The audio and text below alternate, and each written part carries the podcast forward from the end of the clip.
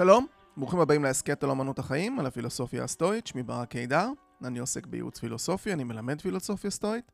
אתם מוזמנים לאתר שלי סטואי ישראל, וכן לדף הפייסבוק של אמנות החיים פילוסופיה סטואית, והאינסטגרם בשם סטואי ישראל, שם יש פוסטים מעניינים. היום אני אלווה אתכם לתוך ציטוט שאולי יסייע לכם ולו במעט בנבחי החיים. בפרק היום נדבר על תפיסה מעניינת שמציג אפיקטטוס, אנחנו נעשה זאת באמצעות דמות מיתולוגית ונתקן תוך כדי איזושהי טעות היסטורית שקשורה בו. אבל קודם נתחיל בסיפור מההיסטוריה המשפחתית שלי. אה, סבא שלי ז"ל נולד בסלוניקי יוון, הוא היה בן 18 כאשר אולץ לעמוד בסלקציה בשערי אושוויץ בירקנאו. הוא היה בחור חסון שעסק קצת באגרוף, וכשהוא עמד בתור הוא הבחין שההפרדה נעשית בין המבוגרים והחולים לבין הצעירים. מן הסתם הוא לא ידע באותה עת למה נועדה ההפרדה, והוא סיפר שהיה לו מין צעיף שקשור על הצוואר, והוא החליט להסתיר את פיו ולהשתעל ולעשות עצמו חולה על מנת שיוכל ללכת עם הוריו. בראש הטור ניהל את הסלקציה אחד מהאנשים הנוראים ביותר בהיסטוריה האנושית, דוקטור יוזף מנגלה, שהבחין בהעמדת הפנים של סבא שלי וחבט בפניו בחוזקה. סבא יעקב, שכאמור היה בחור חסון, תיאר שהוא לא זז מהחבטה במעין התרסה. הוא הופרד ממשפחתו ונשלח למחנה העבודה, ואף אחד ממשפחתו לא שרד. את ההקשר של הסיפור הזה לפרק היום אנחנו נעשה בעוד רגע, אבל אנחנו נעבור קודם לדמות מיתולוגית ולטעות היסטורית שקשורה בה. האל הרמס מהמיתולוגיה היוונית נקרא ברומא מרקורי, הוא נערץ גם בתרבות היוונית הלניסטית וגם ברומא. דברים רבים נקשרו בשמו, מן הסתם הברור והמיידי זה הכוכב מרקורי, כוכב חמה. אה, כחלק מתכונותיו אה, של האל, שימש מרקורי כשליח האלים, אז הוא גם היה הכי קרוב לשמש. גם היה לו איזשהו רומן קצר עם אה, אלת האהבה אפרודיטה, אלת היופי והאהבה, והכוכב הקרוב יותר לכוכב חמה זה כוכב נוגה, שקראו אל שם ונוס, שהיא הגרסה הרומית של אפרודיטה. מזיווג בין הרמס לאפרודיטה נולד הרמפרידטוס. זה הלחם של שתי השמות של ההורים, הרמס ואפרודיטה. הנער שנולד, לימים היה שילוב בין זכר ונקבה, בגוף אחד. אידאה של פלואידיות מינית. הרומים פחות התחברו, היוונים יותר זרמו, ועוד נקשר בשמו של הרמס המילה הרמטי, גם היסוד כספית, מרקורי, כי אה, סופר שצבע העילה והאור שבקע מן האל הרמס היה כסוף. יש עוד תכונות של היסוד כספית שקשורות בתכונות של האל מרקורי, אבל לא ניכנס לזה. הרמס המציא גם את כלי הנגילן לירה, מאבות אבותיה של הגיטרה או הבוזוקי. הוא עשה את הלירה משריון צו. ואת המיתרים הוא עשה ממעיים, חלקי פנים של בקר נדיר שהוא גנב מהאל אפולו. כשאפולו חיפש מי גנב לו את הבקר וגילה שזה הרמס, אז הרמס רצה אה, לרצות אותו ונתן לו את הלירה ואת המוזיקה, וכך אפולו, שהיה אל הנבואה והחוכמה, הפך להיות גם אל המוזיקה. אבל ההשפעה המהפנטת שבמוזיקה, המקור שלה הוא באל הרמס, שהיה גם אל הנוכלים, הגנבים והרמאים, כי בעצמו הוא נחשב לסוג של נוכל שובב. לאישה הראשונה, דרך אגב, פנדורה, האם היא תיבת פנדורה? הוא נתן לה מתנה, הוא אימן אותה באמנות הדיבור והרמייה, הסקרנות והעורמה, הוא גם הכיר לה את בעלה, אפימטאוס, אח של פרומטאוס, שהביא את האש לאדם ונענש על כך. הרמס היה כאמור אל הגבולות והסוחרים, בשל היותו אל הגבולות ושליח האלים, הוא גם ליווה את הנשמות של המתים לטרטרוס, לשאול. הוא היה חריף שכל וזריז, והיו לו סנדלים מכונפות ומטה מיוחד.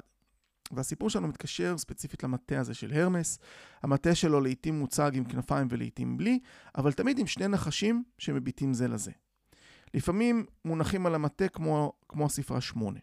מי שיסתכל באתר שלי ויחפש את הפרק הזה בטקסט, ימצא גם תמונה של המטה של הרמס, או בכלל תעשו בגוגל מטה הרמס ותמצאו דוגמאות. עכשיו, עכשיו אנחנו מגיעים לטעות ההיסטורית. מאחר והרמס כאמור היה גם אל של הסוחרים, אז הסמל, המטה, הפך להיות סמל, ושל כל מיני גילדות סוחרים למיניהם, לרבות של הוצאות ספרים. במאה ה-19, למשל, כמעט כל ספרי הרפואה היה מודפס עליהם סמל של המטה של הרמס בשל ההוצאת ספרים, הגילדה של הסוחרים, אבל אה, חיל הרפואה האמריקאי אימץ את הסמל הזה מתוך מחשבה מוטעית שזה הסמל של המטה של אל הרפואה אסקלפיוס. רק שהמטה של אל הרפואה היה עם נחש אחד ולא עם שתיים כמו המטה של הרמס.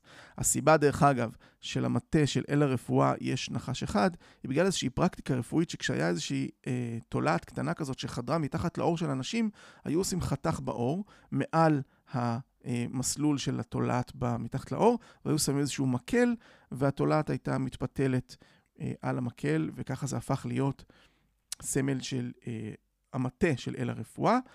אה, אבל עד היום ניתן לראות מוסדות רפואה עם סמל מוטעה של המטה של הרמס במקום המטה של אסקלפיוס. זו טעות היסטורית ראשונה שאנחנו נציין היום. את השנייה, סוג של טעות היסטורית, דווקא חיובית, אנחנו נציין אחר כך. למה בכלל סיפרתי לכם על הרמס? בגלל אפו, אפו, אפיקטטוס כמובן.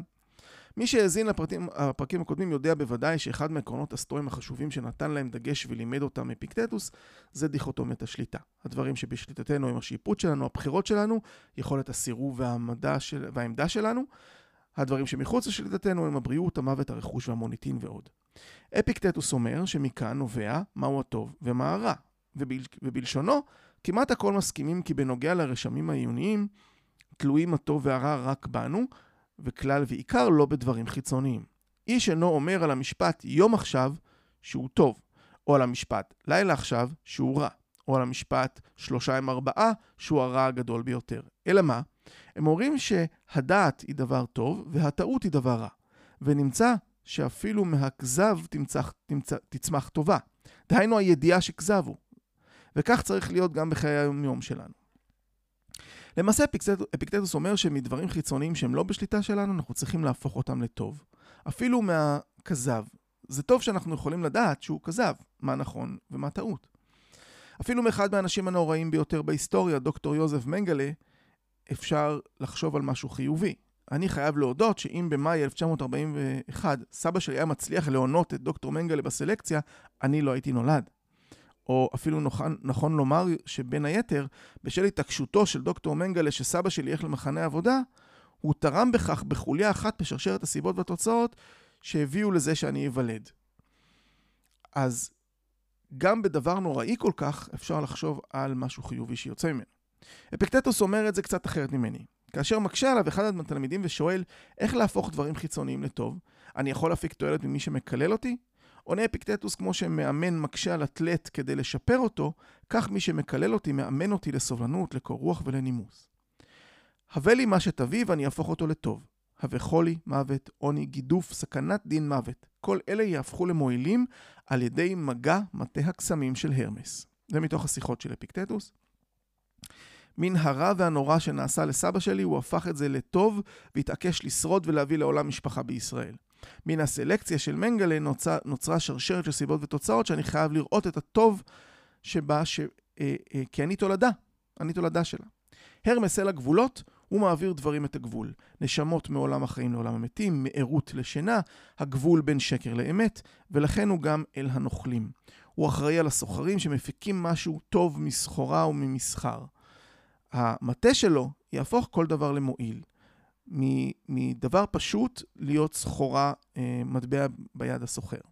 הוא העניק למוזיקה את כישוריה מהפנטים, מתווים וצילים פשוטים למשהו שמשנה תודעה, מעביר אדם מתודעה אחת למשניה. וזה מביא אותנו גם לדוגמה השנייה, שהיא סוג של ניצול טעות היסטורית באופן חיובי. בחירה להשתמש במטה של הרמס באופן יצירתי ובכישורי ההיפנות המוזיקליים. פול מקארטני סיפר בריאיון שכאשר הביטלס היו באולפן והם החליטו להקליט את השיר האלמותי היי hey ג'וד. הם רצו באותה עת שיהיה להם שיר אחד ארוך כמו אה, בהשפעה של בוב דילן דרך אגב. רוב השירים שלהם היו 2-3 דקות, והשיר היי hey ג'וד גם מגיע ל-7 דקות. הם ישבו באולפן כשהם התכוונו להקליט את השיר הזה, רק שהם לא ראו אחד את השני. פול מקארטני מספר שהוא לא ראה את רינגו סטאר, הוא ישב מאחוריו. ופול מקארטני החל את הפתיחה של השיר, ורינגו בכלל הלך לשירותים. כשחזר רינגו סטאר לאולפן, כבר השיר היה בעיצומו, כבר התחילה, החלה ההקלטה, והתפספס כל הקטע טיפוף, טיפוף שבאחריות של רינגו סטאר. פול מקארטני מתאר שכשרינגו בחוכמתו הבין שהשיר נפלא כמו שהוא, כשאיך שהתחילו להקליט אותו, הוא לא עצר את ההקלטה, הוא הצטרף עם קטע הטיפוף רק לאחר שחזר מהשירותים. ואז הוא ניצל איזושהי טעות, והפך אותה למשהו חיובי, ואז המילים של השיר פתאום מקבלות משמעות נוספת. Hey Jude, don't make it bad, take a sad song and make it better. Remember to let her into your heart, then you can start to make it better.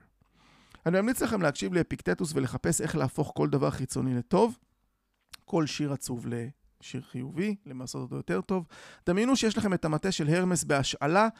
ולהפוך כל דבר חיצוני אה, לטוב, ותודו עכשיו שהרמס עשה עלינו כישוף קטן מהפנט, ועכשיו השיר היי hey ג'וד תקוע לכם בראש, אבל לפחות זה שיר טוב להיתקע איתו. אז עד כאן להפעם, תודה שהאזנתם, אנחנו נשתמע בפרק הבא אם ירצה הגורל. היו בטוב.